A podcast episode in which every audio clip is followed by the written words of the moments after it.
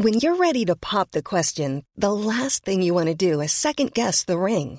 At Bluenile.com, you can design a one of a kind ring with the ease and convenience of shopping online. Choose your diamond and setting. When you find the one, you'll get it delivered right to your door. Go to Bluenile.com and use promo code LISTEN to get $50 off your purchase of $500 or more. That's code LISTEN at Bluenile.com for $50 off your purchase.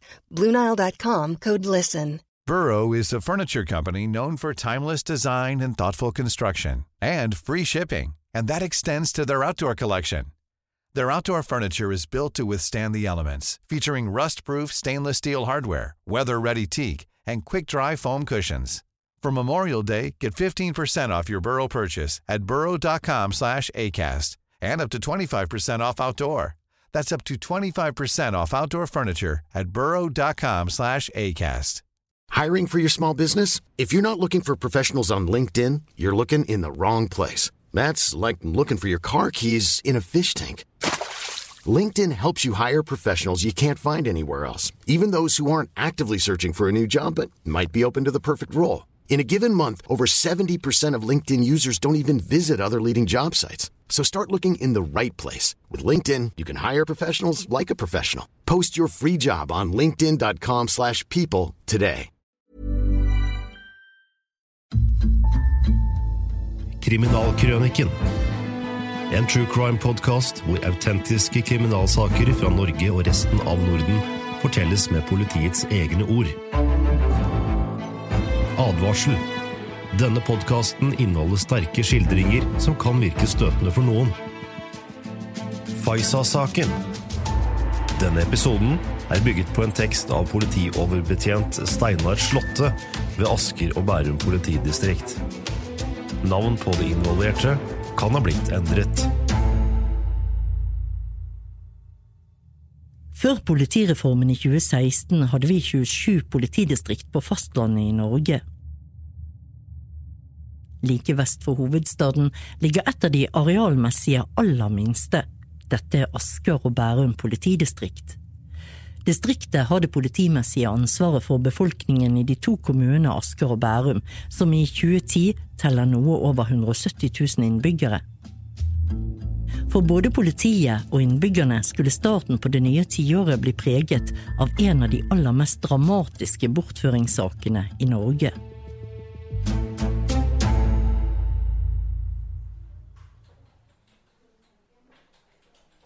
Politioverbetjent Asbjørn Bjørnes er en lugn og erfaren trønder som ikke har altfor lenge igjen før han kan gå av med pensjon. Asbjørn er operasjonsleder og styrer alle politipatruljene som er på tjeneste Asker og Bærum politidistrikt. Jobben hans på operasjonssentralen er også å ta imot alle nødtelefoner som ringes inn på politiets nødnummer 112. Onsdag morgen den 3. februar 2010 kom han på jobb litt før klokken kvart over seks. Vinteren hadde vært iskald, og det hadde vært flere uker med tosifrede antall blå grader. På operasjonssentralen denne morgenen hadde Asbjørn god hjelp av to andre politiutdannede kvinnelige operatører. De avløste nattskiftet klokken 06.30, ble brifet av avtroppende operasjonsleder om hva som hadde skjedd i løpet av natten, og hva som var forhåndsplanlagt denne kommende onsdagen. Asbjørn satte seg i operasjonslederstolen mens han tok en god sup kruttsterk morgenkaffe. Han hadde kontroll, og han tenkte snart å sjekke hva som sto i Aftenposten. Lite visste de tre om at de om få minutter skulle få oppleve en av de mest dramatiske telefonsamtaler som noen gang har blitt ringt inn til en norsk operasjonssentral. Klokken 06.44 ringer det hos en av de kvinnelige operatørene. I andre enden forteller en andpusten kvinne at hun har blitt kidnappet, og at hun ligger i bagasjerommet på en bil. Kvinnen forteller videre at hun heter Faiza Ashraf, og at hun bor på Haslum. Faiza forteller at hun skulle på jobb på Oslo City, og at hun skulle ta bussen fra Kirkeveien like ved en Prix-butikk bare 150 meter unna hjemmet hennes. Idet hun passerte Prix-butikken, ble hun angrepet bakfra av en stor, ukjent mann. Faiza gjorde så mye motstand hun kunne, men hun ble slått flere ganger mot hodet før mannen klarte å kaste henne opp i bagasjerommet på en mørk bil. Den kvinnelige operatøren tror først at denne innringingen er nok en tulletelefon som det dessverre har vært altfor mange av, men hun skjønner snart at dette er blodig alvor. Operatøren holder derfor samtale i gang, mens operasjonsleder Bjørnes sørger for å varsle de politipatruljene som er ute og kjører. Parallelt settes det i gang tiltak for å forsøke å spore telefonsamtalen med Faiza. Etter en ca. to minutter lang samtale forteller Faiza at bilen stopper opp. Hun sier at hun vil gjemme telefonen, og kontakten brytes med politiet. Faiza blir ringt opp igjen av politiet, og hun svarer klokken 06.52. Hun forteller da at mannen ved denne stoppen hadde åpnet bagasjeluken.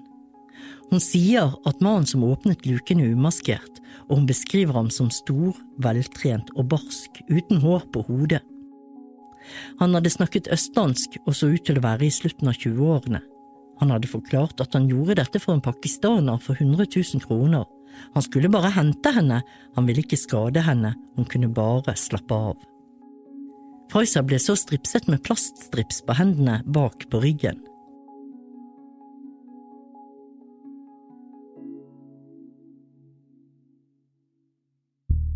Faiza fortalte at hun hadde en mistanke om at det var en som het Sahid Mir som sto bak bortføringen. Sahid, som jobber som taxisjåfør i Oslo, hadde terrorisert og plaget henne i fem år, fortalte hun. Han ville bli kjæreste med henne, noe Faiza absolutt ikke ville, og hun hadde derfor avvist ham. Faiza klaget på at hun begynte å få panikk, hun hadde tungt for å puste, hun lå trangt og sa at hun mistet følelsen i den ene armen. Etter at gjerningsmannen hadde stoppet bilen og stripset hendene hennes, klarte hun likevel raskt å få frigjort den ene hånden, slik at hun igjen kunne betjene mobiltelefonen. Denne hadde ikke gjerningsmannen verken funnet eller lett etter. Pfizer fortalte operatøren når bilen gikk fort, og når den gikk sent, når den kjørte over noe som hun mente var fartsdumper, osv. Utenom dette hadde hun ingen anelse om hvor ferden gikk, eller hvor gjerningsmannen førte henne. Nå stanser han, sier Faiza klokken 07.21. Politiet hører ikke mer fra henne. Politiets telefonkontakt med Faiza varte i 37 minutter.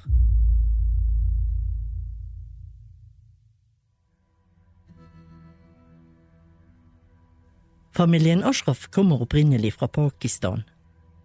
Faren til Faiza er en meget arbeidsom og vel ansett mann både i pakistanske og norske kretser. Han har i Norge jobbet seg opp i det som før het Oslo Sporveier, nå Ruter. Han har en stilling som skiftleder og har kjøpt seg en stor enebolig i et nobelt strøk på Haslum i Bærum. På denne adressen bodde han i februar 2010 med sin kone og sine fire barn. Barna i familien Ashraf foruten Frøysa består av en eldre datter og to sønner.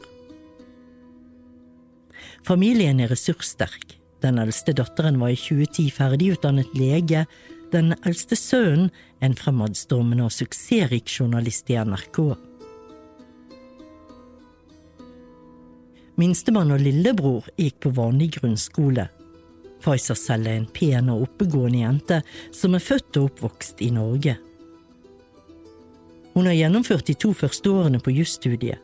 På det tidspunktet bortføringen skjer, har hun tatt en pause fra studiene og i 2010 avdelingsleder på Hennes og Maurits på det store kjøpesenteret Oslo City, som ligger sentralt i Oslo sentrum.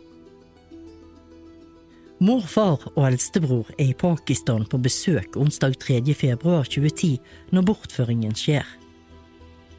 Eldstesøster og lillebror ligger hjemme og sover når Faiza gjør seg klar til å dra med bussen til jobb.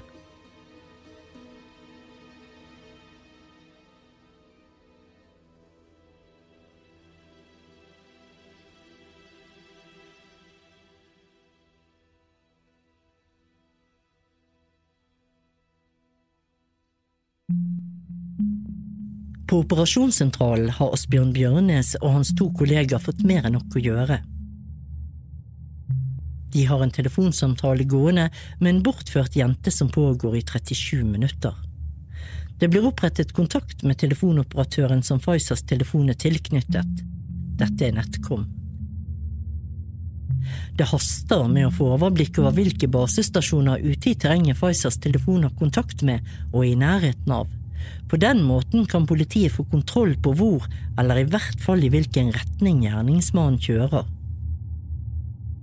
Det tar noen minutter å få dette til. De første indikasjonene fra NetCom viser at Pfizers telefon beveger seg vestover mot Asker. Basestasjonene er først få, og basestasjonsinnslagene ser ut til å følge omtrent hovedveien E18 vestover. Det siste innslaget fra Pfizers telefon fastsettes til en basestasjon i Dikemark-området som ligger mellom Asker og Liatoppen.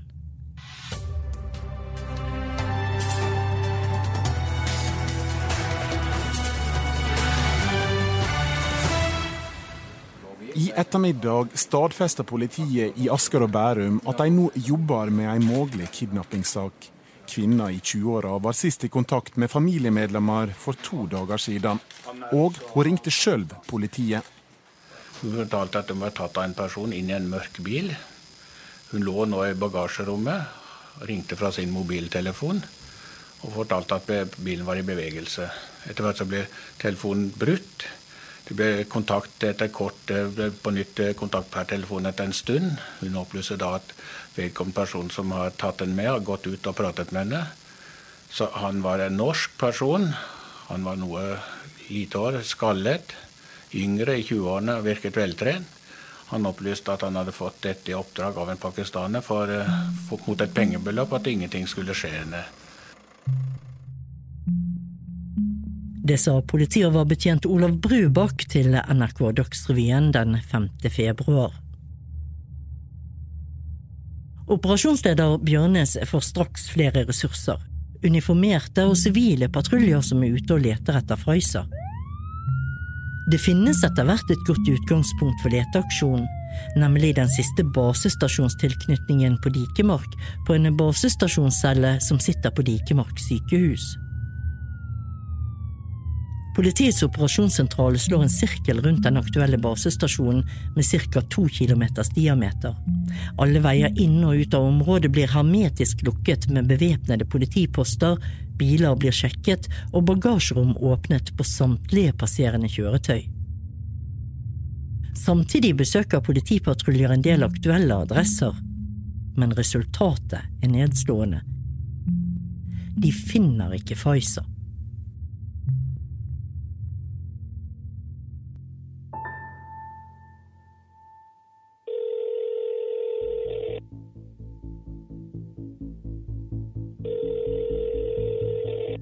Politiet hadde direkte talekontakt med Pfizer på hennes telefon fra klokken 06.44 til og med klokken 07.21. Videre hadde operatøren Netcom teknisk kontakt med hennes telefon til og med klokken 09.50. Etter dette ble all kontakt avbrutt, det vil si telefonens batteri gikk tomt, eller så ble batteriet fjernet. Det politiet visste fra klokken 07.21 til og med klokken 09.50, var at Pfizers telefon befant seg påslått et sted ved Dikemark i Asker. Operasjonssentralen visste at den norske hovedredningssentralen for Sør-Norge hadde teknisk utstyr som kunne krysspeile inn Pfizers telefon ved hjelp av Sea King-helikopter. Da ville det være mulig å få vite nesten eksakt i hvert fall hvor telefonen befant seg i terrenget. Operasjonsleder Asbjørn Bjørnes ringer redningssentralen på Sola i Rogaland og får beskjed om at det politiet holder på med i Asker, er en kriminalsak og ikke en redningsaksjon som de skal brukes til. Politiet får avslag på anmodningen om hjelp. Alternativ nummer to er å låne samme utstyr fra hovedstadspolitiet i Oslo, som er den eneste politiinstansen som er i besittelse av dette kostbare utstyret, som altså kan peile inn Pfizers telefon. Oslo-politiet svarer at utstyret er i bruk ute i terrenget, et helt annet sted i en annen leteaksjon. Det loves at operatørene og utstyret skal sendes direkte til Asker når de er ferdige. Hjelpen kommer, men da er det for sent, og kontakten med Pfizers telefon er brutt for godt. På de tre timene og seks minuttene som Faisers telefon var operativ og påslått midt i det sentrale østlandsområdet, klarte ikke politiet å spore den opp. Dette til tross for at det var teknisk mulig, men utstyret som trengtes, var ikke tilgjengelig. Vi går til Dagsrevyen 9. februar. Politiet i Asker og Bærum har fått inn flere tips fra publikum siden i går. Men de har så langt ikke ført de noe nærmere en oppklaring. Sju døgn har gått uten livstegn fra kvinnen og uten krav om løsepenger. Hvor sikre er dere på at hun fremdeles er i live? Nei, altså det vil bare bli spekulasjoner. Vi jobber ut fra at vi, vi ønsker å finne henne, ønsker å finne henne i live. Det sa Nina Karstensen Bjørlo fra Asker og Bærum politidistrikt til NRKs reporter Martin Fjørtoft. Det kom en flom av tips som måtte håndteres. Det var en stor, ressurssterk pårørendefamilie som skulle behandles med respekt og holdes konstant informert. I lignende saker er det vanlig at det innledningsvis er noen få dager det må jobbes kontinuerlig, for så at arbeidstrykket avtar inntil man får full kontroll etter en tids etterforskning. Så gikk det ikke i Pfizer-saken. Det roet seg ikke ned, for politiet fant henne ikke. Det som etterforskningsledelsen måtte og pliktet å vurdere, var rett og slett om det kunne være noen andre muligheter for at Pfizer forsvant slik hun gjorde. Det kunne jo være slik at Pfizer, som kom fra et muslimsk hjem, hadde det svært strengt hjemme med nedsatt bevegelsesfrihet. Hun var en ung, flott jente som likte å gå i vestlige klær ute og på jobb. Hjemme brukte hun pakistanske klær. I vitneavhør sa noen norske venninner at Faiza ikke hadde det så bra hjemme. Hun var muligens også redd for å bli giftet bort. Kanskje hun ville forsvinne, at hun hadde arrangert dette selv. Det kunne være slik at foreldrene mente at Faiza hadde blitt for vestlig i sitt levesett. Kanskje hadde foreldrene arrangert en bortføring for å sende Faiza til Pakistan for å få kontroll på henne ved å gifte henne bort. Via etterforskningen ble det avslørt at Faiza hadde en hemmelig kjæreste som hun traff uten at noen i familien visste om det. Kunne den hemmelige kjæresten Khalid ha arrangert en forsvinning av Faiza? Kunne den forsmådde Sahid Mir være så fortapt forelsket i Faiza at han hadde fått henne bortført, eller var det en helt annen grunn? Etterforskningen innledningsvis ble selvsagt anlagt bredt, med høyde for at alle alternativ som vi har nevnt var med i denne vurderingen. I avhør med familien ble det stilt spørsmål som tok sikte på å avklare om familien hadde noe med forsvinningen å gjøre. Dette førte til at klimaet mellom politiet og de pårørende ble iskaldt. Den ene broren til Faiza ble forbannet på politiet. Han understreket sterkt at nå måtte de ta seg sammen og fokusere på at Faiza var bortført, og at familien ikke hadde noe med dette å gjøre. Familien Ashraf knyttet til seg bistandsadvokat Harald Stabel, en dyktig og profesjonell mann som var til stor hjelp for både familien og politiet. Familien ble også sjokkert og svært sint over den ufine måten media jaktet Ashraf på mens det sto på som verst. Verst var avisen VG, som ifølge Pfizers ene bror hadde døgnvakt rundt familiens hus med telelinser. Medias klappjakt og ufølsom oppførsel førte i ettertid til et lengre og krast innlegg i tidsskriftet Samtiden, skrevet av broren.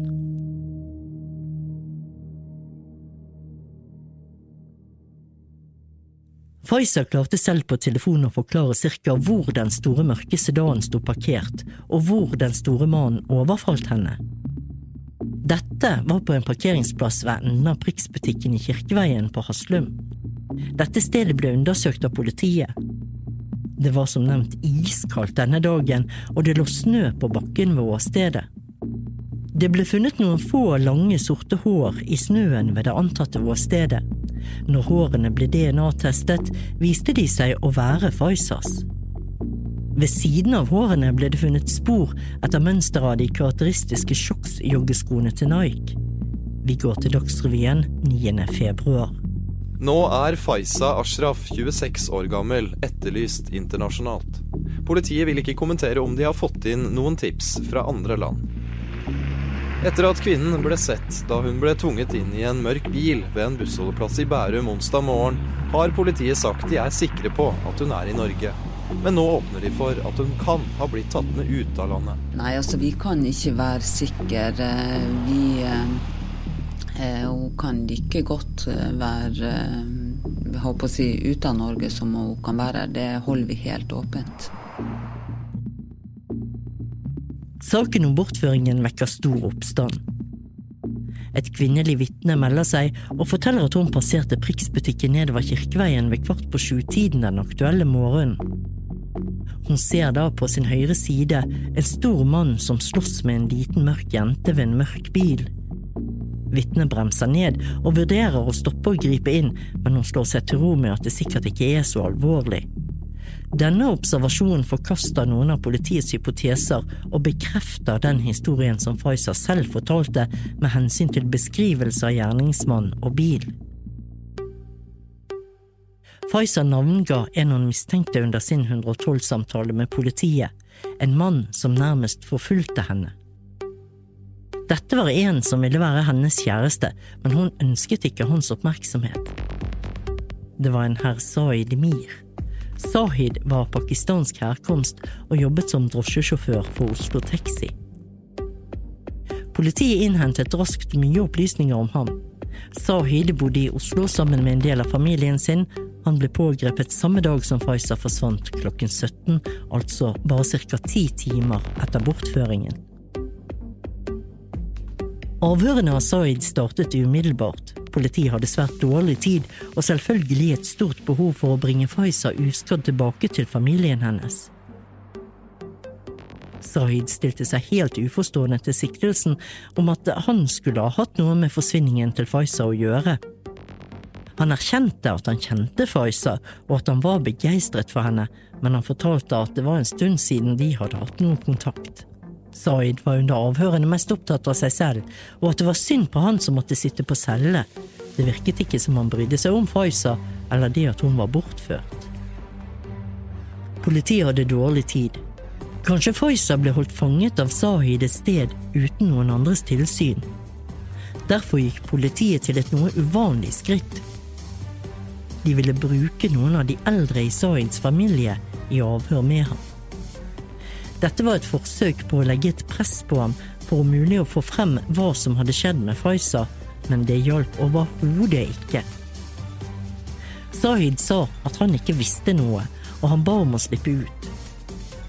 Det at han skulle slippe ut var uaktuelt, og han ble fengslet av Asker og Bærum tingrett.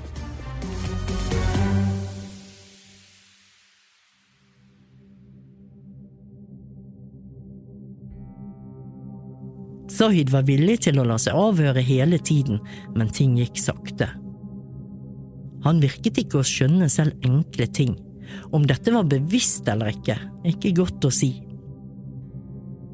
I alle fall startet et møysommelig etterforskningsarbeid for å kartlegge Zahid Mir og alt rundt denne mannen. Politiet ransaket leiligheten han brukte, biler han hadde, og de avhørte alle venner, kolleger og alle telefonkontakter. Via avhørene av telefonkontaktene til Sahid kom han over en som het Sharif.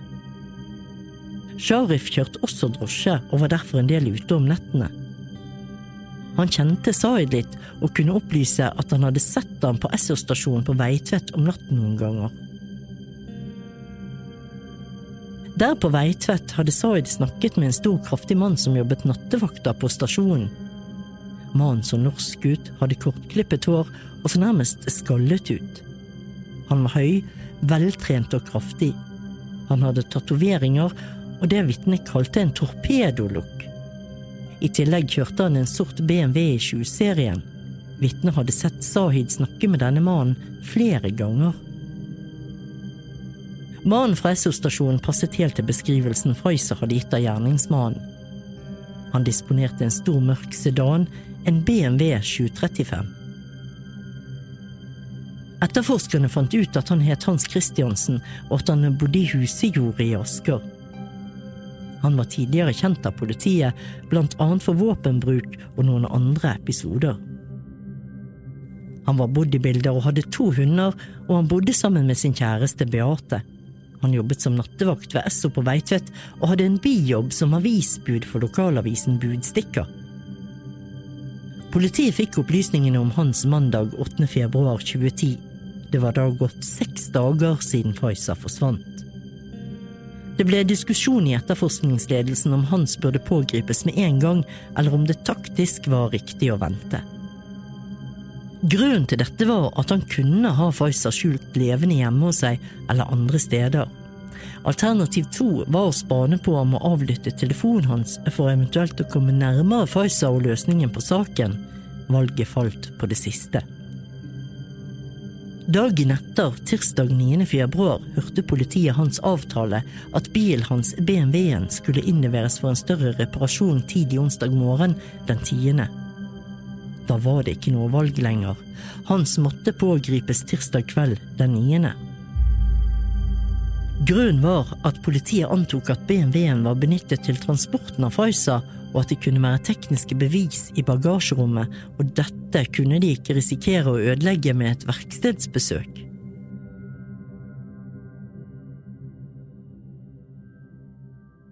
Hans leilighet, bil og steder han har naturlig tilhold ransakes og saumfares i jakten på bevis.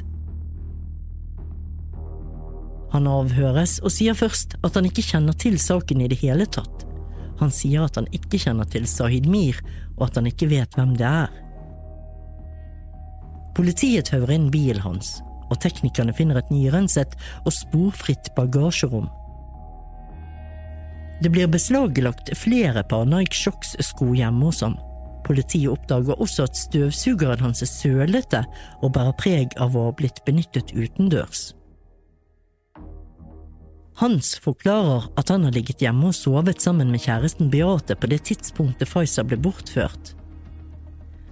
Han fortalte også at han sov med de to store hønene i sengen, og sier at dersom han hadde gått ut eller bare prøvd å snike seg ut, så ville høna ha laget et lurveleven, og Beate ville ha merket det. Han forklarer at Beate sto tidlig opp onsdag morgen for å gå på jobb, og at han selv ble liggende i sengen til litt utpå dagen siden han var sykemeldt. Samboeren til Hans, Beate, går igjennom tøffe avhør om alle detaljer. Hun forteller at hun sto opp tidlig, og at hun er nesten 100 sikker på at Hans lå i sengen da hun sto opp og kjørte til jobb i Oslo med Opelen sin. Hun blir avhørt tre ganger, men med samme resultat. Spørsmålet politiet da naturligvis stilte seg, var om det i det hele tatt var mulig for to som sov i samme seng, å unngå å registrere om den andre var til stede eller ikke når man selv sto opp. Noen etterforskere hadde som spesialoppgave å innhente alle mulige tilgjengelige videoopptak i Asker og Bærum distrikt. Dette er en omfattende og stor oppgave, spesielt når man ikke vet helt sikkert hvor den store mørke sedanen har kjørt med Pfizer. Det ble samlet inn en stor mengde opptak som måtte ses igjennom på jakt etter interessante biler. Etter flere dager kunne lederen for videoprosjektet komme med en god nyhet. De hadde fått inn videobilder fra Ekeberg Farge og Interiør, som lå noen hundre meter syd for åstedet. Denne butikken hadde montert kamera som filmet hele tiden, og det var montert slik at opptaket fanget inn passerende trafikk på Kirkeveien litt bortenfor selve butikken. Bildene viste en stor, mørk sedan som kom kjørende oppover Kirkeveien i retning E18 og mot adressen der Pfizer senere ble bortført fra. I tillegg passerte den motsatt vei nedover mot E18 kort tid etter. Passeringene og bilens form passet som hånd i hanske med de opplysningene som man hadde om bortføringen.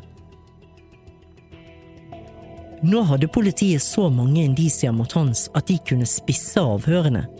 Han ble hardt konfrontert med at bilen hans var lik den som var på åstedet, og at det var funnet Nike-Shocks fotspor i snøen der Faiza forsvant, og at han hadde likt utseende med det Faiza hadde beskrevet i sin nødsamtale. I tillegg ble det lagt frem bilder av en stor, mørk sedan med samme form som bilen han brukte, observert på et kamera like ved åstedet. Han sa at han lå hjemme og sov, og at det var mange andre som hadde en bil som lignet på hans. Det ble tatt 21 lange avhør av Hans Christiansen. Det typiske for han var at han endret litt på forklaringen sin hele tiden. Når politiet konfronterte han med nye ting, så tilpasset han sin forklaring til dette. Han endret forklaringen sakte, men sikkert i forhold til sitt kjennskap til Zaid Mir. Han husket etter hvert Zaid som en tulling som han ble kjent med på Esso Veitvet. Etter hvert fikk politiet flere opplysninger om de to, og det kunne legges mer trykk i avhørene. Da forteller Hans at Zaid hadde et tulleforslag om at han Hans skulle bortføre lillebroren til Faiza. Lillebroren skulle så bare overlates til Zaid. Det skal ha vært snakk om å få penger for dette. Grunnen til det skal ha vært en eiendomskonflikt med familiene nede i Pakistan. Han sa at han avslo dette forslaget, som også innbefattet at han skulle få litt betalt for å gjøre det. Dette var som man skjønner en vending i saken. Politiet ble stadig mer sikker på at de rette folkene var pågrepet. Avhørene av Saeed gikk trått, men han var hele tiden villig til å stille i avhør. Han erkjente etter en stund et visst kjennskap til stasjonsbetjenten på SO Veitvet.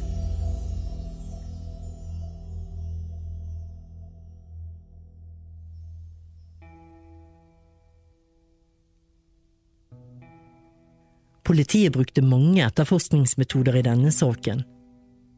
En av de var rundspørring. Da Hans ble pågrepet, var det selvsagt å ta en rundspørring i det store nabolaget i husjordet på Vettre der han bodde. Da en politimann kom på en adresse der ute, opplyste han som bodde der, at han var redd for innbrudd. På grunn av dette hadde han montert et videoovervåkningssystem som filmet huset og inngangspartiet Tilfeldigvis filmet denne mannen også den eneste veien som førte inn og ut til boligområdet på husjordet der hvor Hans bodde. Politiet sikret seg alle opptakene til mannen, som heldigvis fordi ikke hadde fulgt reglene til Datatilsynet med hensyn til sletting av data. Etter intens leting i bildefilet fant politiet at en stor, mørk sedan passerte inn til husjorda om kvelden tirsdag 2. februar 2010 klokken 22.08. Den samme bilen passerte ut av husjordet onsdag morgen 3. februar 2010 klokken 06.15. Ved spissfindige målinger og sammenligninger finner politiet ut at dette er den eneste bilen som har samme form, mål og utseende som en mørk BMW 735. Den eneste som bor inne i Blindveien i husjordet med en slik bil, er Hans Christiansen. Hans, som hadde sagt at han lå og sov hele denne onsdagsmorgenen den 3. februar 2010 til langt på dag.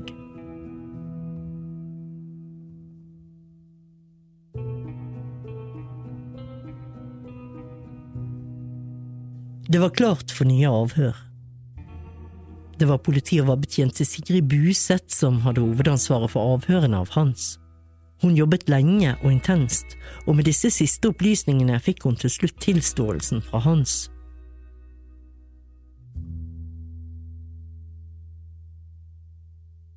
Han forklarte at han på oppdrag fra Zaid Mir hadde bortført Faiza Ashraf onsdag morgen den 3. februar, og at han la henne i bagasjerommet på BMW-en sin og kjørte en rekke sideveier utover mot Asker til Solli, et turområde et stykke utenfor Asker sentrum. Der tok han en strips og strammet til rundt halsen på Faiza slik at hun døde i bagasjerommet. Han hadde tatt med seg en presenning og en stor muradunk som han noen dager i forveien hadde kjøpt inn på Biltema. Så der, på den store parkeringsplassen på Solli, la han den døde kroppen til Faiza ned på den hvite presenningen, pakket henne inn og la henne i den avlange muradunken. Han dro henne så ca 700 meter innover i en skiløype, tok av henne inn i skogen til et sted unna løypen der han noen dager før hadde gravd et hull, en grav i den frosne bakken. Faiza ble kledd av de ytre klærne, unntatt truse og bh. Hun ble lagt ned i hullet, og Hans gravde jord og snø over henne. På toppen av graven lagde han til et bålsted. Han la medbrakt ved der, slik at det skulle se ut som en forlatt leirplass. Klærne til Faiza og en egen gammel dressbukse han hadde hatt på seg under bortførelsen, ble lagt i en sort søppelsekk. Idet Hans ryddet opp i disse tingene som han senere ville kaste på Yggeset avfallsdeponi, fant han Faisas mobiltelefon liggende i snøen med et utall ubesvarte anrop.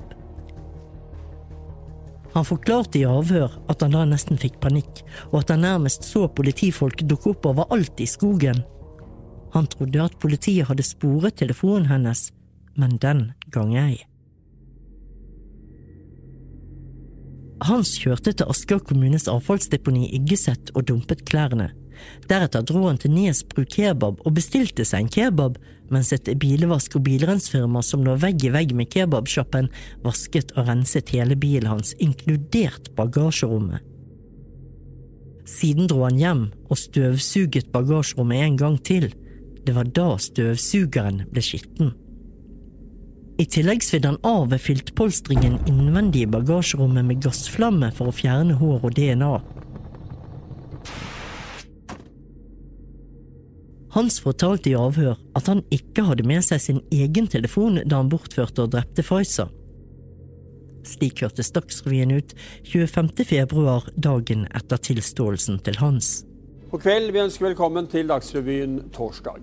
25-åringen som altså har tilstått å ha drept Faiza Ashraf, nekter for at drapet var planlagt. I natt ble Ashraf funnet drept i et populært turområde i Asker utenfor Oslo, etter å ha vært savna i tre uker.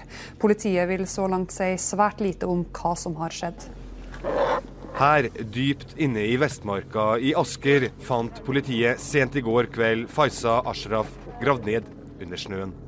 Funnstedet ligger 70 meter fra en populær skiløype. 25-åringen, som i to uker har vært siktet for bortføring av kvinnen, tilsto i går kveld drap og fortalte politiet hvor liket lå begravd. Har dere nå full oversikt over hendelsesforløpet? Ja, vi mener det ut ifra den siktede 25-åringen sin forklaring. Samme onsdag som Hans utførte drapet om ettermiddagen, dro han til Sverige på en planlagt ferie med sin samboer Beate. De kjørte da Beates Opel. Hans forklarte også at han hadde hatt en masse møter med Sahid for å planlegge bortføringen. Det var rekognoseringsturer til Haslum for å se på Faisas hus, og turer til henne som Maurits på Oslo City for å se på henne og arbeidsplassen hennes. Hvorfor gjorde Hans dette? Han svarte at han etter hvert følte at det ble en utfordring, i tillegg så fikk han en del penger av Sahid i forberedelsene. Det var ikke store beløp, men det var likevel noen tusenlapper.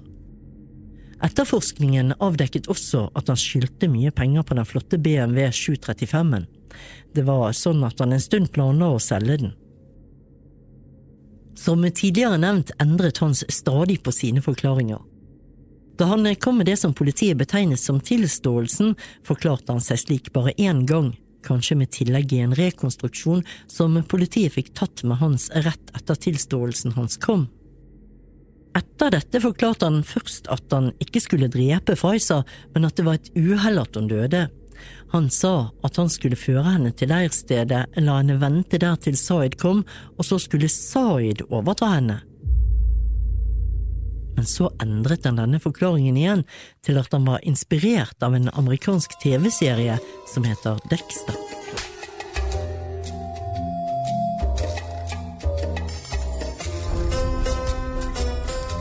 Har du ikke sett Dexter?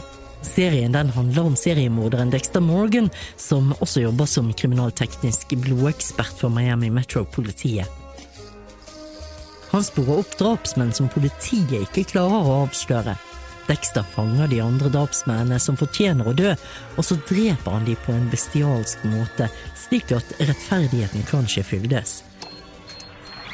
We were just trying to... No! You were just trying to help yourselves make some money.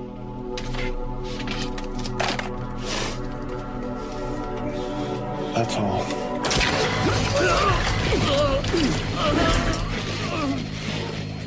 Det var altså dette som angivelig skal ha inspirert Hans. Hans forklarte det slik at han hadde gjort klar graven i skogen to dager før onsdagen 3. februar 2010. Planen var da å drepe Sahid, og det skulle skje på denne måten. Hans skulle fange Faiza og ta henne med tvang opp til leirstedet der graven var. Sahid skulle derfor i Dexter-stil fanges og fortelles hvor ond han var som ønsket å drepe Faiza. Faiza skulle da, bundet fast, begeistret se på at Hans heiste Sahid opp i et tre med et tau. Hans sin plan var å seigpine Sahid ved å kappe av ham lem for lem med en øks, tappe blod i den innkjøpte muradunken og til slutt dumpe likdelet fra Sahid i den forhåndsgravde graven. Etterpå skulle så Faiza, fornøyd med at Sahid var ryddet av veien, kjøres tilbake til Haslum og slippes glad og uskadd inn til familien sin og leve lykkelig resten av sine dager. Da forutsatt at hun kunne holde på den lille hemmeligheten hun og Hans hadde. Da politiet hadde etterforsket en stund, dukket det opp vitner som kunne fortelle de merkeligste historier om Sahid. En av Oslos løse fugler kom til politiet på Sentrum stasjon og fortalte at han hadde fått tilbud om 1000 kroner for å kaste syre i ansiktet på en pakistansk jente. Dette sporet ble fulgt helt ut, og det viste seg at det var Sahid som hadde kommet med dette tilbudet noen uker før selve drapet skjedde. En annen narkoman i Oslos underverden kunne fortelle at han hadde hatt to møter med Sahid. Han hadde da lovet Sahid å kaste syre på Faiza slik at ansiktet hennes smeltet, og at hun ble så stygg at ingen mann ville ha henne. Denne narkomane sa at han spilte seriøst interessert for Sahid ganske lenge. Vitnet sa i avhør men jeg er jo ikke gal. Jeg ville bare ha pengene fra han, og når jeg fikk det, så var jeg fornøyd, og bare skalket alle luker og forsvant foran. Politiet kom også over to narkomane som hadde tatt drosje hjem der Sahid var sjåfør. Begge disse hadde fått tilbud om å bortføre en pakistansk jente, holde henne fanget og gjøre henne avhengig av heroin.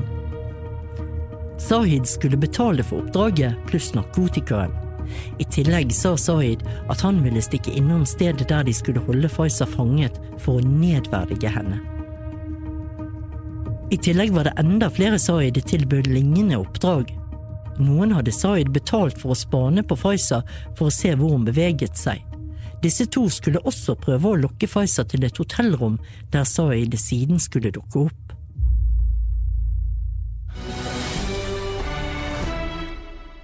De to som er tiltalt for drapet på Faiza Ashraf, må frifinnes for overlagt drap, sa forsvarerne i Asker og Bærum tingrett i dag.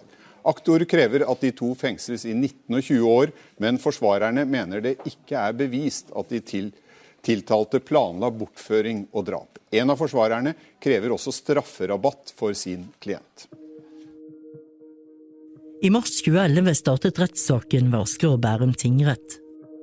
Aktor statsadvokat Karl Fari ved hjelpeaktor politiadvokat Kristin Røne satset på en tiltale som nød på overlagt drap for begge de tiltalte.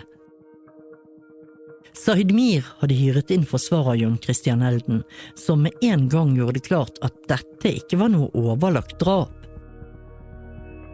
Sahid erkjente at han hadde leid inn Hans for å bortføre Faiza, men han sa at Hans bare skulle bringe Faiza til ham. De skulle møtes på Skøyen, og så skulle Sahid spørre henne om hun ville være sammen med ham. Om hun svarte nei, så skulle Sahid og han slippe henne fri.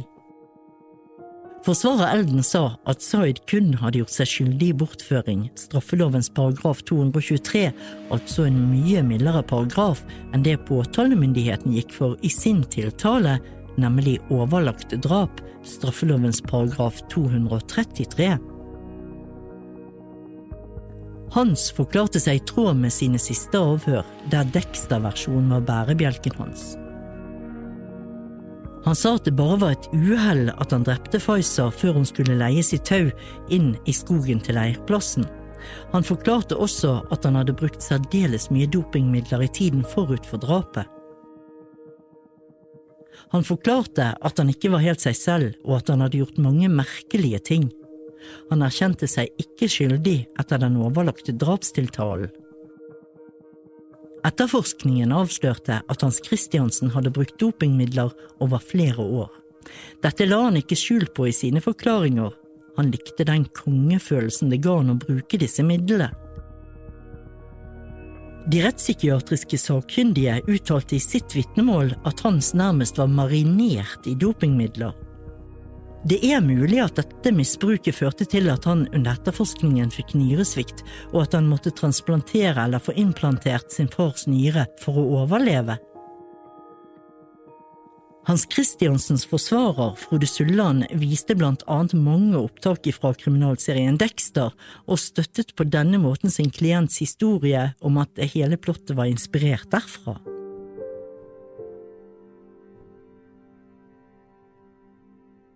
I retten var det mange sterke vitnemål, blant annet ett fra en av Faisas brødre. Under sitt vitnemål ble han spurt av Ashraf-familiens bistandsadvokat Harald Stabel om hvordan det hadde vært for ham og familien å miste Faisa, og han svarte da. Nå skal jeg passe meg. Jeg hører ingen unger her i retten i dag. Jeg ser to menn som forteller en spiral av løgner. Først har de gjort noe så jævlig mot et helt uskyldig menneske. Hun fortjente å leve. Hun var en gledesspreder. Først så tar dere henne fra oss, og så forteller dere spiraler av løgner for å slippe unna. Så ser jeg to menn som ikke har baller nok til å ta ansvar for det de har gjort. Da er de ikke lenger menn, de er rotter.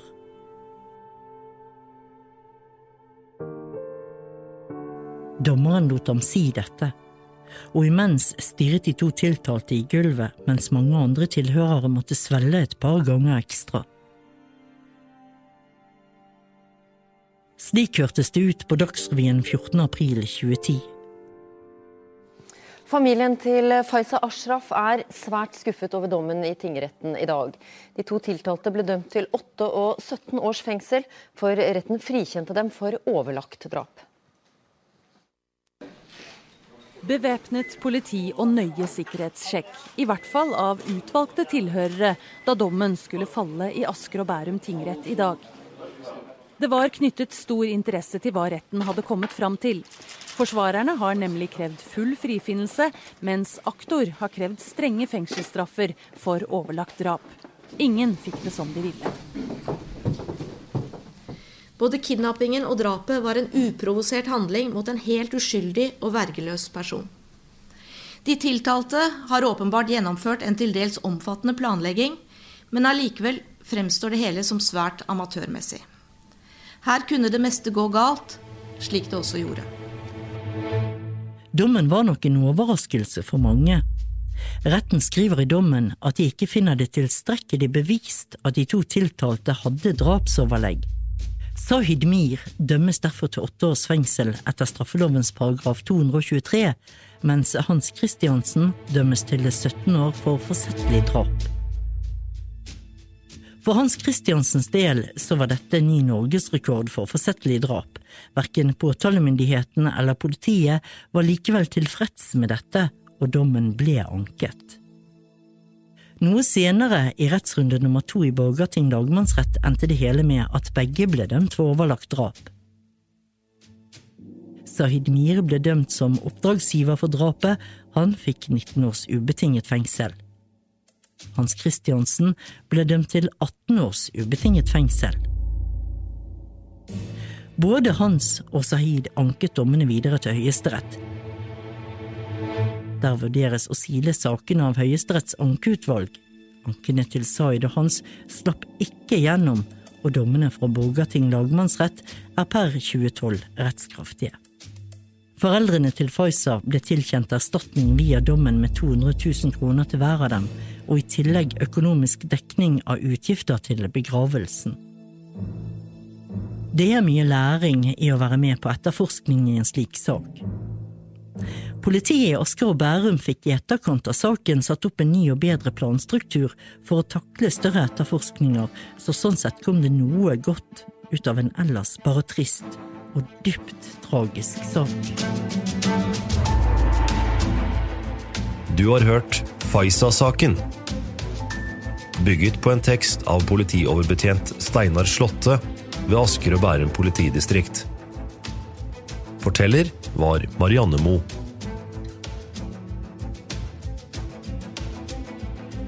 For flere podkaster fra Radiometro, se radiometro.no.